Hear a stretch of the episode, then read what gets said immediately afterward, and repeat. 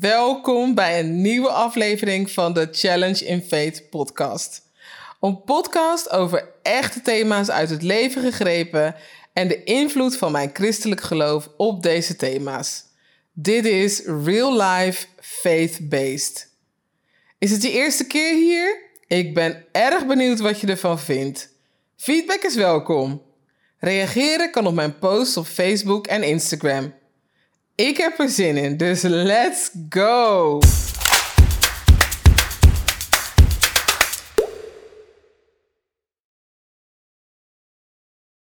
Ken je dat? Dat je een ontmoeting hebt met iemand die iets tegen je zegt en je het gevoel hebt dat God door die persoon tegen je praat. Of je ziet een filmpje waarin iemand iets zegt, waardoor je rechtstreeks aangesproken voelt. Sommige mensen zullen dan zeggen ja, dat je iets ziet wat er niet is, omdat je het heel graag wilt zien of horen. En anderen zullen zeggen dat het toeval is. Maar ik geloof niet in toeval. Ik geloof in een God die nauw betrokken is in het leven van zijn kinderen, van wie die onmetelijk veel houdt. Ik kom, ondanks dat het bijna onmogelijk lijkt, mensen tegen die passen bij de weg die ik bewandel om te komen op de plek waar God mij wil hebben. Ik heb daar in 2020 echt voor gebeden. Het vinden van mensen die denken zoals ik. Dat is niet zo vanzelfsprekend namelijk. Ik merkte namelijk dat door mijn geestelijke groei ik uit mijn sociale jasje groeide. Ik heb me jaren, echt jaren op mijn plek gevoeld in de christelijke omgeving waarin ik jaren rondliep. Het laatste jaar is dat een beetje veranderd. Mijn zoektocht naar de Heilige Geest en de verdieping in mijn geloofsleven zijn een grote rol gaan spelen. Een grotere rol gaan spelen, moet ik zeggen. Gedeeltelijk omdat ik heel bewust bezig ben met mijn theologiestudie, maar meer nog omdat ik me meer en meer bewust word van de geestelijke verantwoordelijkheid die mijn toekomstige functie met zich meebrengt. Predikant zijn is niet een 9 tot 5 baantje of een weekendbaan waarin je alleen op zondag staat te preken.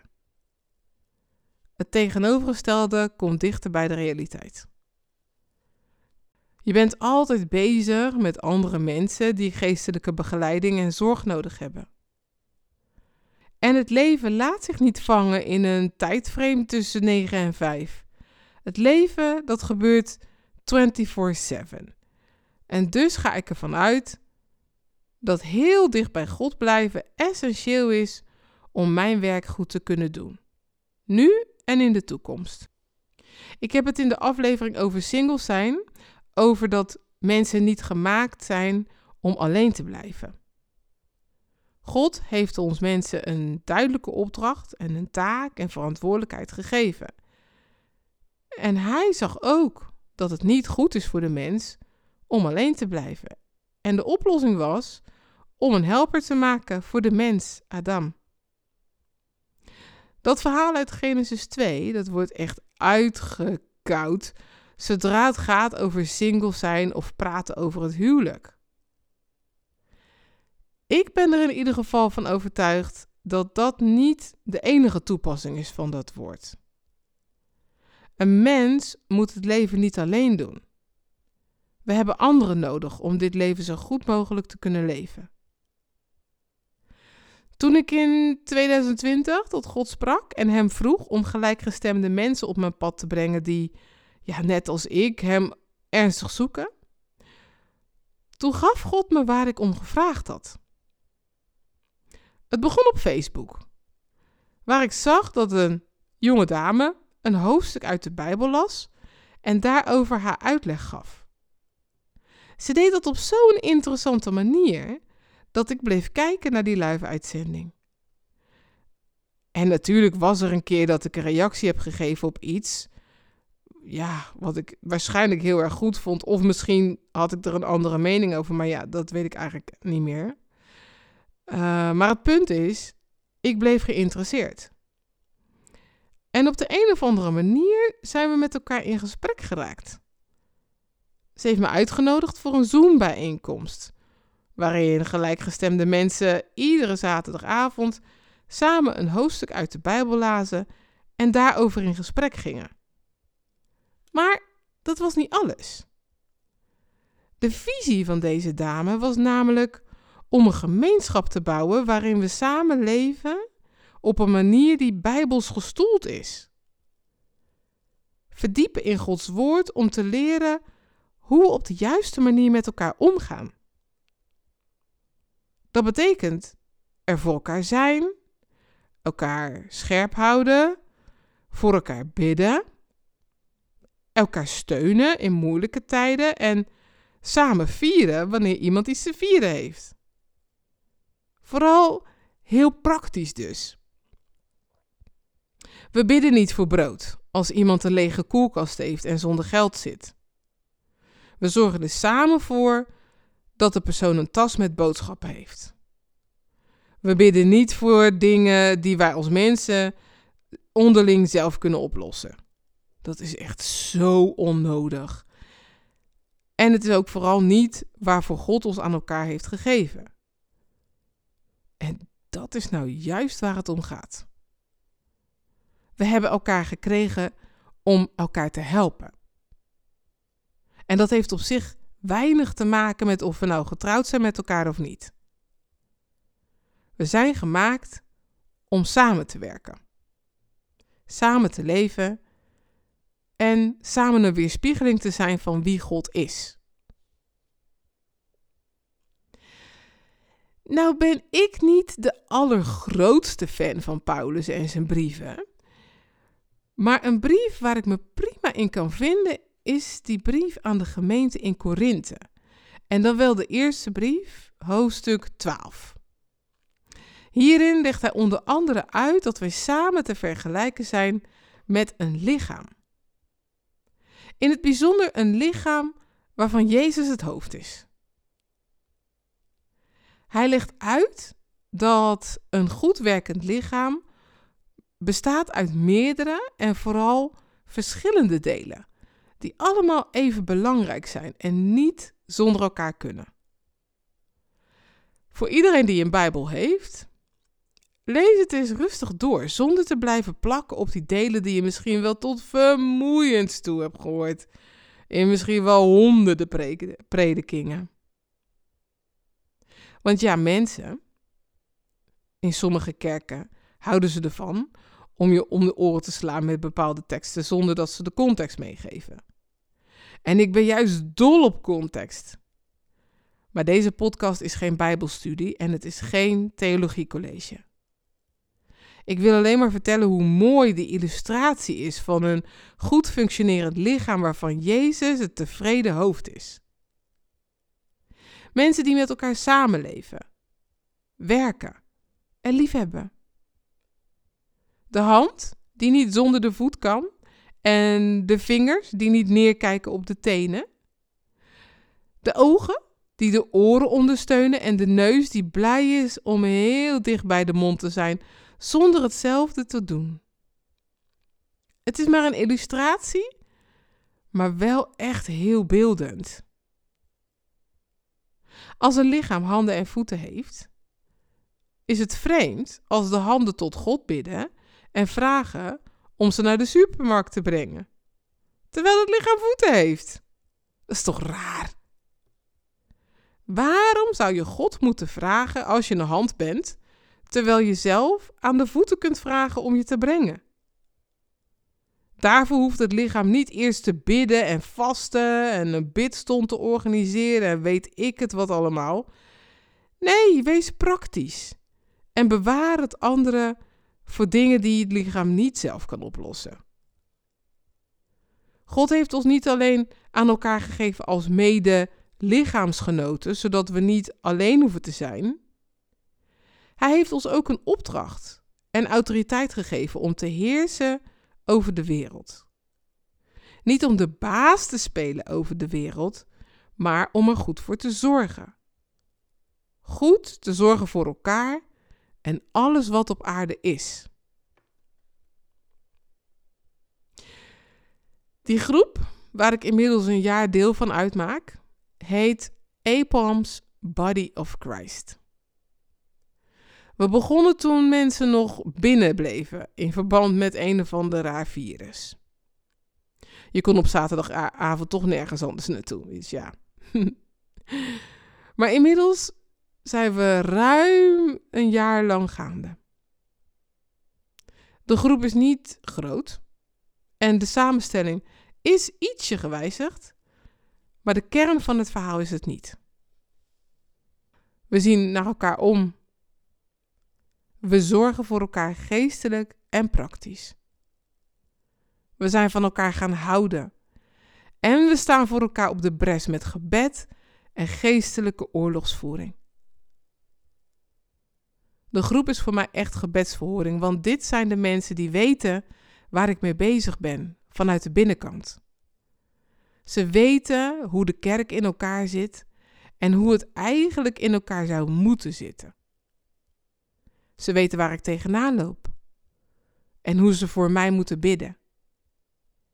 Ze huilen samen met mij wanneer ik verdrietig ben. En ze bouwen een feestje samen met mij wanneer er iets te vieren valt. Vanzelfsprekend doen we dat voor ieder deel van dit lichaam. En weet je, ik gun iedereen zo'n tribe. Het is niet altijd in iedere kerkgemeente te vinden, deze manier van Gods woord uitdragen. Ik hoor zoveel verhalen van mensen uit verschillende denominaties waar de gemeenteleden niet op zulke manieren met elkaar omgaan. Niet op zo'n manier naar elkaar omzien. En dan vragen mensen zich af hoe het komt dat de kerk leegloopt, niet serieus genomen wordt of ronduit belachelijk gemaakt wordt.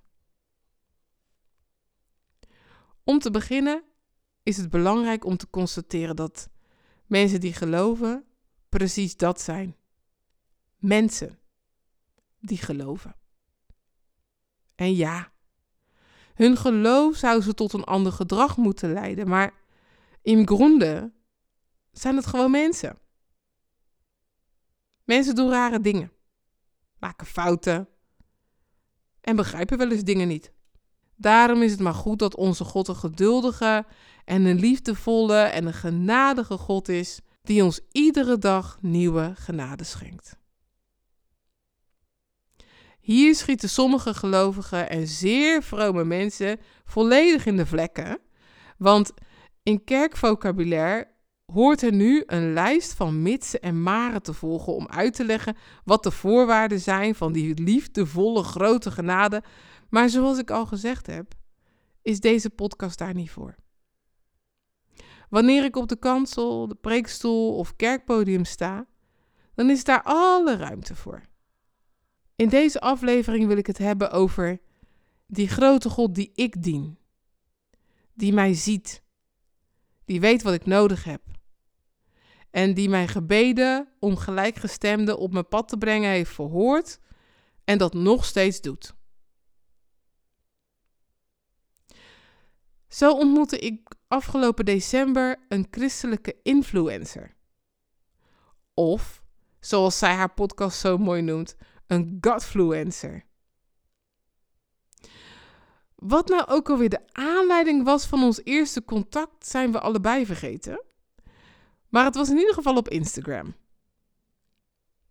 De ontmoeting met Tessa was meer dan alleen maar bijzonder. Vanaf het moment dat we elkaar zagen, tot en met het moment dat we gedag zeiden, hebben we onze ervaring met die almachtige God die wij dienen gedeeld. Jeetje, wat was dat een bijzondere middag, zeg. De ene na de andere getuigenis. En om te mogen zien met mijn eigen ogen wat God voor haar heeft mogelijk gemaakt, was voor mij een bevestiging en bemoediging op zich. Want als hij dat voor haar heeft gedaan, dan wil dat zeggen dat God vandaag de dag nog steeds grote dingen doet voor hem die hem ernstig zoeken. Het kunnen zien met mijn twee ogen heeft me kracht, moed en vooral hoop gegeven. Ook alles wat ze met me gedeeld heeft over haar leven, over de duistere tijden en de mooie gebeurtenissen, heeft ervoor gezorgd dat ik de liefde van God heb ervaren op een hele praktische manier. En zo is God dus niet een entiteit op hele grote afstand. Nee, hij is in het hier en nu, onder ons. Getuigen tegen elkaar is een vorm van helpen. Door te horen wat mogelijk is, geeft hoop. En hoop is de katalysator van geloof. Geloven doen we door het horen van het woord van God. En geloven is de zekerheid dat onze hoop werkelijkheid wordt. En het is overtuigd zijn van het bestaan van dingen die je niet ziet. Zeker zijn dat wat je hoopt ook werkelijkheid wordt, gaat makkelijker wanneer je ziet dat het voor een ander werkelijkheid is geworden. Het is dus mogelijk. Wat je nog niet in je eigen leven hebt gezien, wil dus niet zeggen dat het niet bestaat. En daarom ervaar ik mijn ontmoeting met Tessa als een geschenk. Echt een cadeautje. Ik heb mogen zien waar God toe in staat is. En dat, dat geeft mij nieuwe energie om door te gaan met waar ik mee bezig ben. De podcast is daar een voorbeeld van. Maar ik heb een visie. Ik heb wensen en ik heb dromen. Ik heb ook nog heel veel te leren. En ik kijk er naar uit om meer te leren. Van Corrie, de soul scientist, kan iedereen heel veel leren. Haar kennis van de ziel is zo mooi en zo inspirerend. Het is vooral heel erg belangrijk, want de ziel van de mens heeft veel meer aandacht nodig dan wij vaak denken. Corrie's visie, dat is een inspiratie op zich.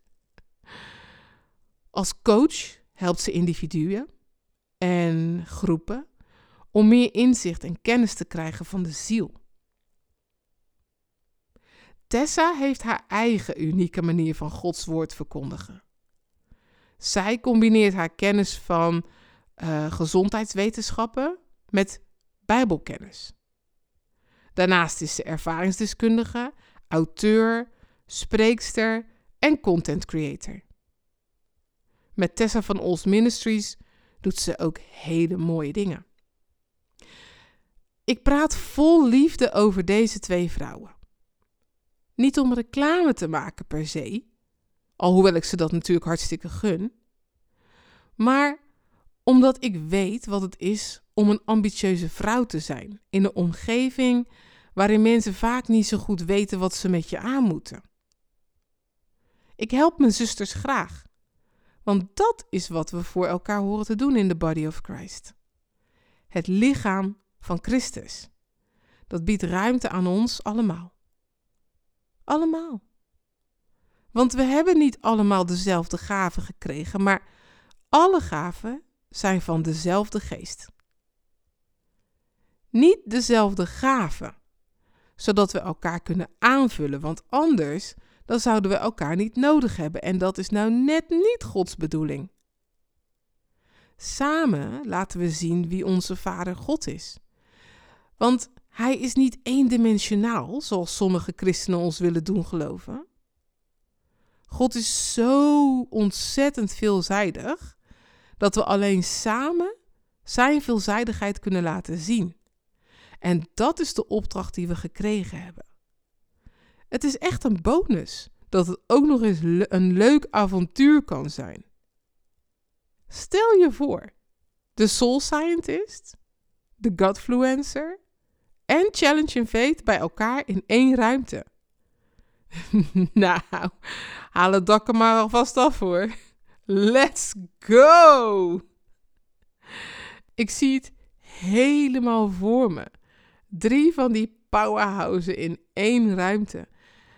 Ja, dat wordt fantastisch. En uh, ik neem gewoon een voorschotje. Dat gaat gewoon gebeuren in Jezus' naam. Maar we zijn niet met z'n drieën. En dat is nou precies mijn punt. We hebben elkaar ontmoet.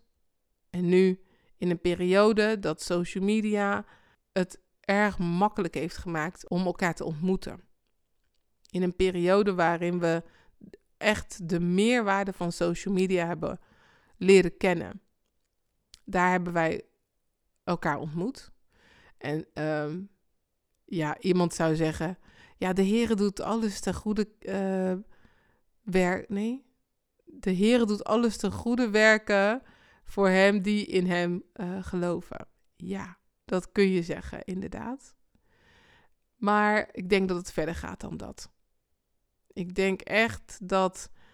Um, ik denk echt dat het goed is dat we er meer en meer bij stilstaan wat het betekent om één goed werkend lichaam te zijn. En misschien betekent dat wel dat je sommige lichaamsdelen nog niet ontmoet hebt.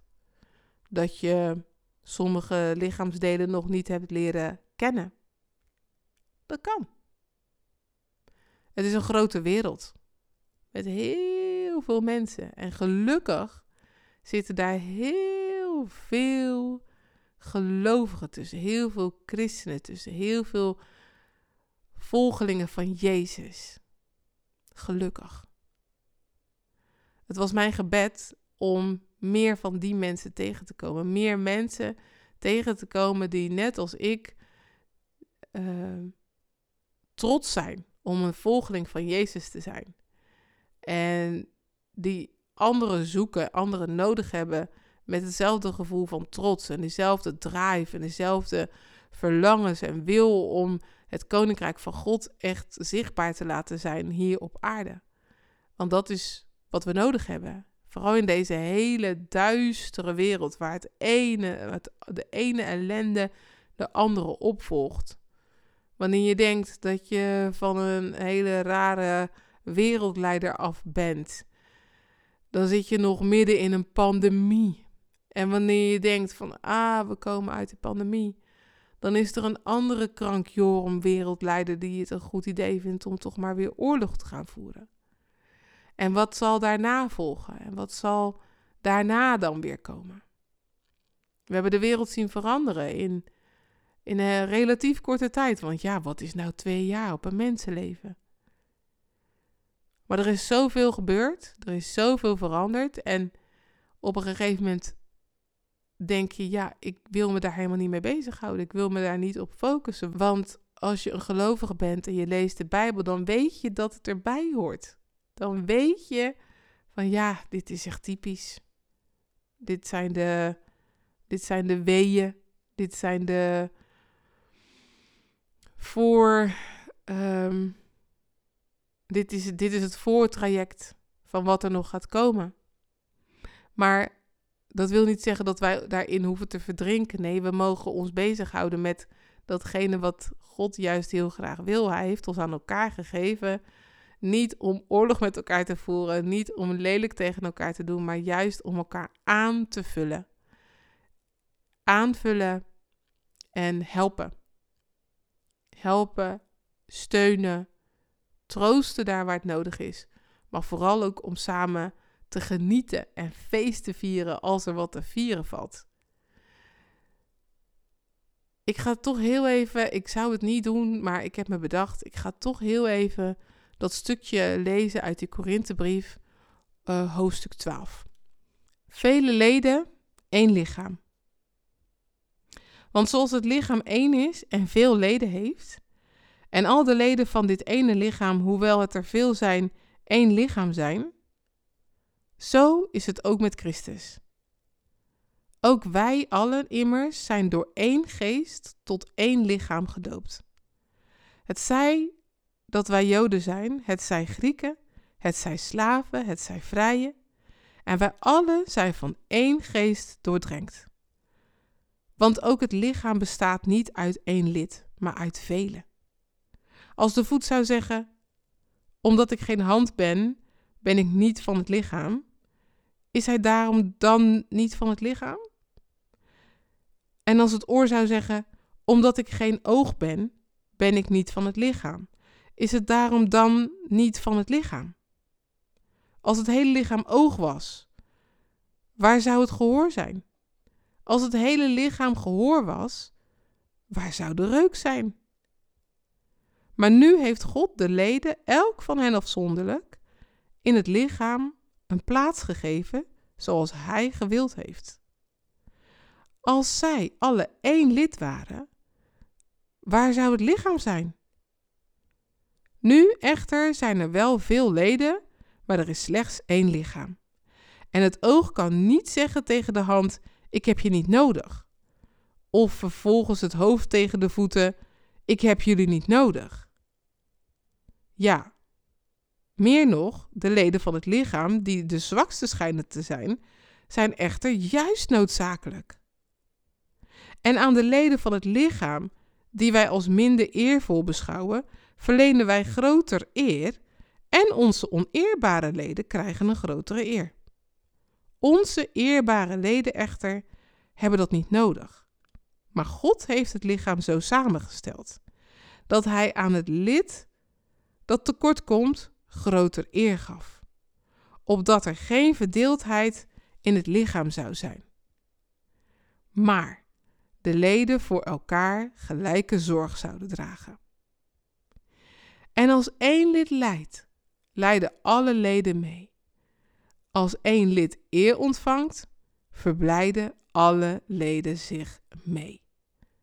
Samen bent u namelijk het lichaam van Christus en ieder afzonderlijk zijn leden. Tot en met uh, vers 27 lees ik dit even. Ik weet niet of je het heel onduidelijk vindt. Ik weet niet of je het heel ingewikkeld vindt. Maar ja, dit stuk, dat somt eigenlijk gewoon op wat ik net ook al eerder aangaf. Als wij een, een, een, een verzameling lichaamsdelen zijn. En wij werken op de juiste manier samen. En we vieren het succes van de een. En we vieren het succes van de ander. En we troosten het verdriet van elkaar. Dan kunnen we zulke prachtige dingen doen samen. Dan kunnen we echt een lichaam zijn. Dan hoeft niemand namelijk tekort te hebben. Dan hoeft niemand namelijk tekort te komen. Niemand hoeft zich te min te voelen. Niemand hoeft zich hoog verheven te voelen want we kunnen niet zonder elkaar. Die EPAM, Body of Christ groep, waar ik het in het begin over ehm, had. Ik was net ziek geweest en um, het, was echt een hele vreemde, vreemde gewaarwording. En ja, ik, ben, ik was dus aangetrokken door uh, Corrie. Want ik weet niet of ik dat al heb gezegd, maar Corrie is degene, is die vrouw die daarmee begonnen is de Corey the Soul Scientist. En zij had dat al heel erg sterk op haar hart en ze wist, dit is nodig, dit is wat er moet gebeuren, dit is wat we moeten doen.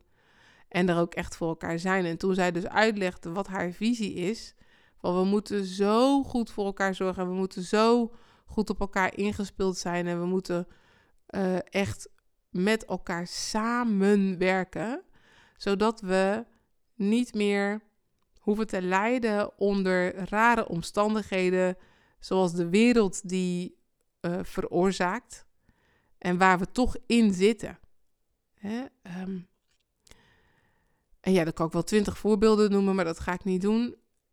Waar het om gaat is dat je op een hele praktische manier daarmee kunt beginnen. Het hoeft niet met hele grote, enorme, gigantische uh, gebaren en bedragen. Nee, het kan echt al heel erg praktisch zoals ik al aangaf, als iemand tekort komt, als iemand tekort heeft, als iemand geld in geldnood uh, uh, zit, ja, dan kun je ervoor bidden. We kunnen bij elkaar komen en een bidstond houden en een week bidden en vasten en al die dingen meer. Tuurlijk kan dat. En dat is niet slecht. Het is ook niet verboden. En als je dat denkt dat dat goed is, of als je geroepen voelt om dat te doen, dan moet je dat ook zeer zeker doen. Maar als er anderen in de groep zijn en die leggen allemaal iets bij, al is het een 5 euro per persoon of een tientje per persoon, dan kun je met volle boodschappentassen voor de ene persoon de deur staan. En dan kan de persoon gewoon weken vooruit. Daar heb je toch meer aan. Dat is toch het praktische gedeelte van het evangelie, het goede nieuws. Dat is toch het praktische gedeelte van al die mooie verhalen en al die mooie boodschappen die in de Bijbel staan, die Jezus ons heeft verteld.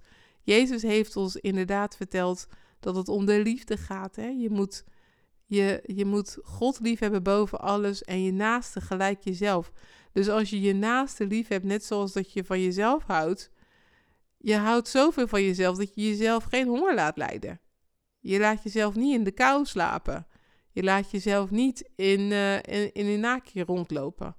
Tenzij. Maar je besnapt wat ik bedoel. Dus het, het, het, het houden van elkaar, dat laat je zien.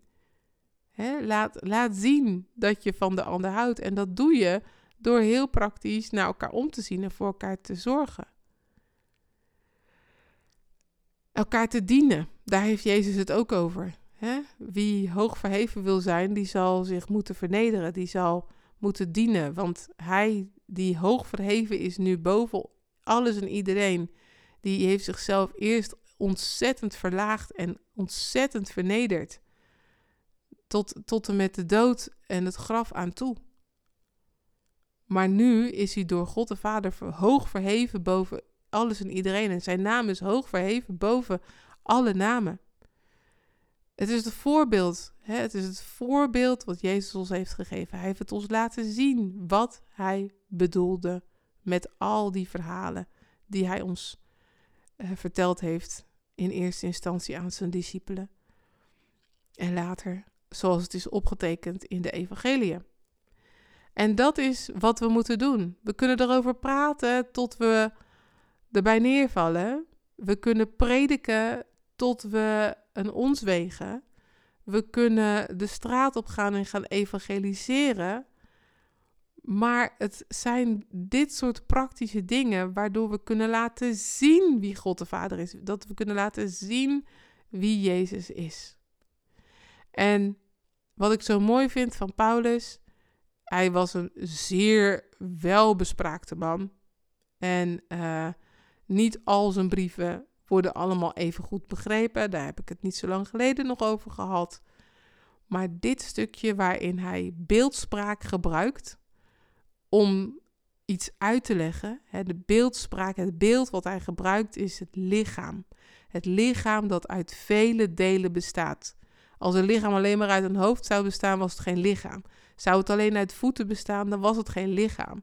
Zou het alleen uit een neus bestaan, dan, dan was het geen lichaam. Een lichaam is een lichaam omdat het bestaat uit vele delen. Vele delen die van elkaar verschillen, maar die zonder elkaar gewoon ja, zinloos, nutteloos zijn. En dat beeld wat Paulus daar gebruikt, het lichaam, dat, vond ik, dat, dat vind ik echt een heel mooi beeld. En hoe ziet nou het perfecte lichaam eruit? Simpel. Het hoofd, dat is Jezus. En Jezus heeft armen, handen, vingers, uh, ellebogen, heeft uh, schouders, een rug, een buik, billen, benen, knieën, voeten, enkels, heeft, een, heeft, heeft het lichaam allemaal nodig. Ogen, oren, neus, mond, een nek. Alles heeft dat lichaam nodig. En als alles, daar, en als alles er is en het werkt zoals een lichaam hoort te werken, dan is dat het perfecte lichaam. De huidige Body of Christ groep, zoals ik die ken, is nog een bescheiden groepje het is niet een hele grote club mensen. Maar een ieder die erbij hoort, die zal erbij komen. En de Heere zal zelf zorgen dat de juiste mensen zich zullen voegen aan de bestaande leden. En nee, het is geen vereniging en nee, het is geen stichting. Nee, het is een gezelschap van mensen die ervan overtuigd is dat het lichaam van Jezus een perfect lichaam is en dat wij daar delen van zijn. Ik hoop dat ik het een beetje duidelijk heb gemaakt. Ik hoop dat het een beetje te volgen is. Ik hoop ook dat het je aan het denken heeft gezet. Dat de eerstvolgende keer, wanneer iemand in je omgeving een nood heeft, een behoefte heeft, uh, het moeilijk heeft, uh, vragen heeft, noem het maar op. Dat je behalve dat je direct zegt, en we gaan ervoor bidden en we gaan strijden in de geest, et cetera. Prachtig, echt geweldig, doe dat. Maar dat je daarnaast ook kijkt van, oké, maar is dit iets waarvan de Heere heeft gezegd of ervoor heeft gezorgd dat wij elkaar daarin kunnen helpen? Is dit iets waarvoor we een week lang moeten bidden en vasten? Of kunnen we ook heel praktisch bij elkaar komen en nadenken over hoe kunnen we deze persoon helpen? Dat is een belangrijke vraag en ik hoop dat je die vraag meeneemt. Um, kijk eens om je heen, zou ik ook zeggen. Kijk om je heen om te zien waar er zo'n gezelschap is, waar die mensen zijn, wie die mensen zijn, met wie je samen je samen kunt voegen en samen kunt optrekken en samen sterker kunt worden. Ik heb bepaalde wensen en noden en ambities en met mijn kwaliteiten kan ik mijn zuster helpen die haar noden en ambities eh, heeft en mijn broeder die zijn noden en ambities uh, heeft. Uh, zoals zij dat ook voor mij doen, zo doe ik dat ook voor hun. Kijk om je heen om te zien wie jij hebt. En als je niemand hebt waarvan je denkt van, oh, daarmee kan ik samen, um, samen een, een, een deel van het lichaam van Christus vormen. We kunnen elkaar ondersteunen, we kunnen elkaar helpen, we kunnen elkaar opbouwen, we kunnen elkaar wijzer maken, we kunnen elkaar, nou, noem het maar op. Kijk om je heen en probeer samen een lichaam van Christus te worden. En als je je wil aansluiten bij de groep die er al is, you're welcome.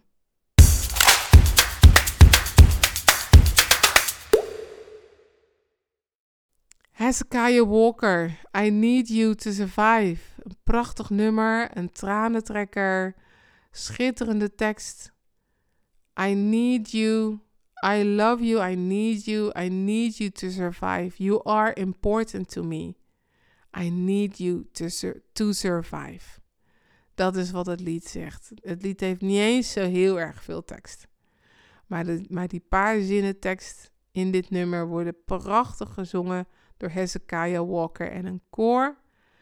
En ik zou zeggen, luister er naar in de Challenge in Faith playlist die te vinden is op Spotify.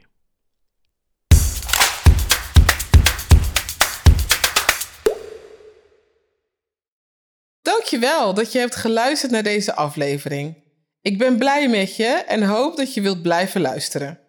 Als je je abonneert of de podcast volgt, afhankelijk van welke podcast-app je gebruikt, hoef je geen aflevering te missen. Je helpt mij ook als je een review achterlaat op Apple Podcasts.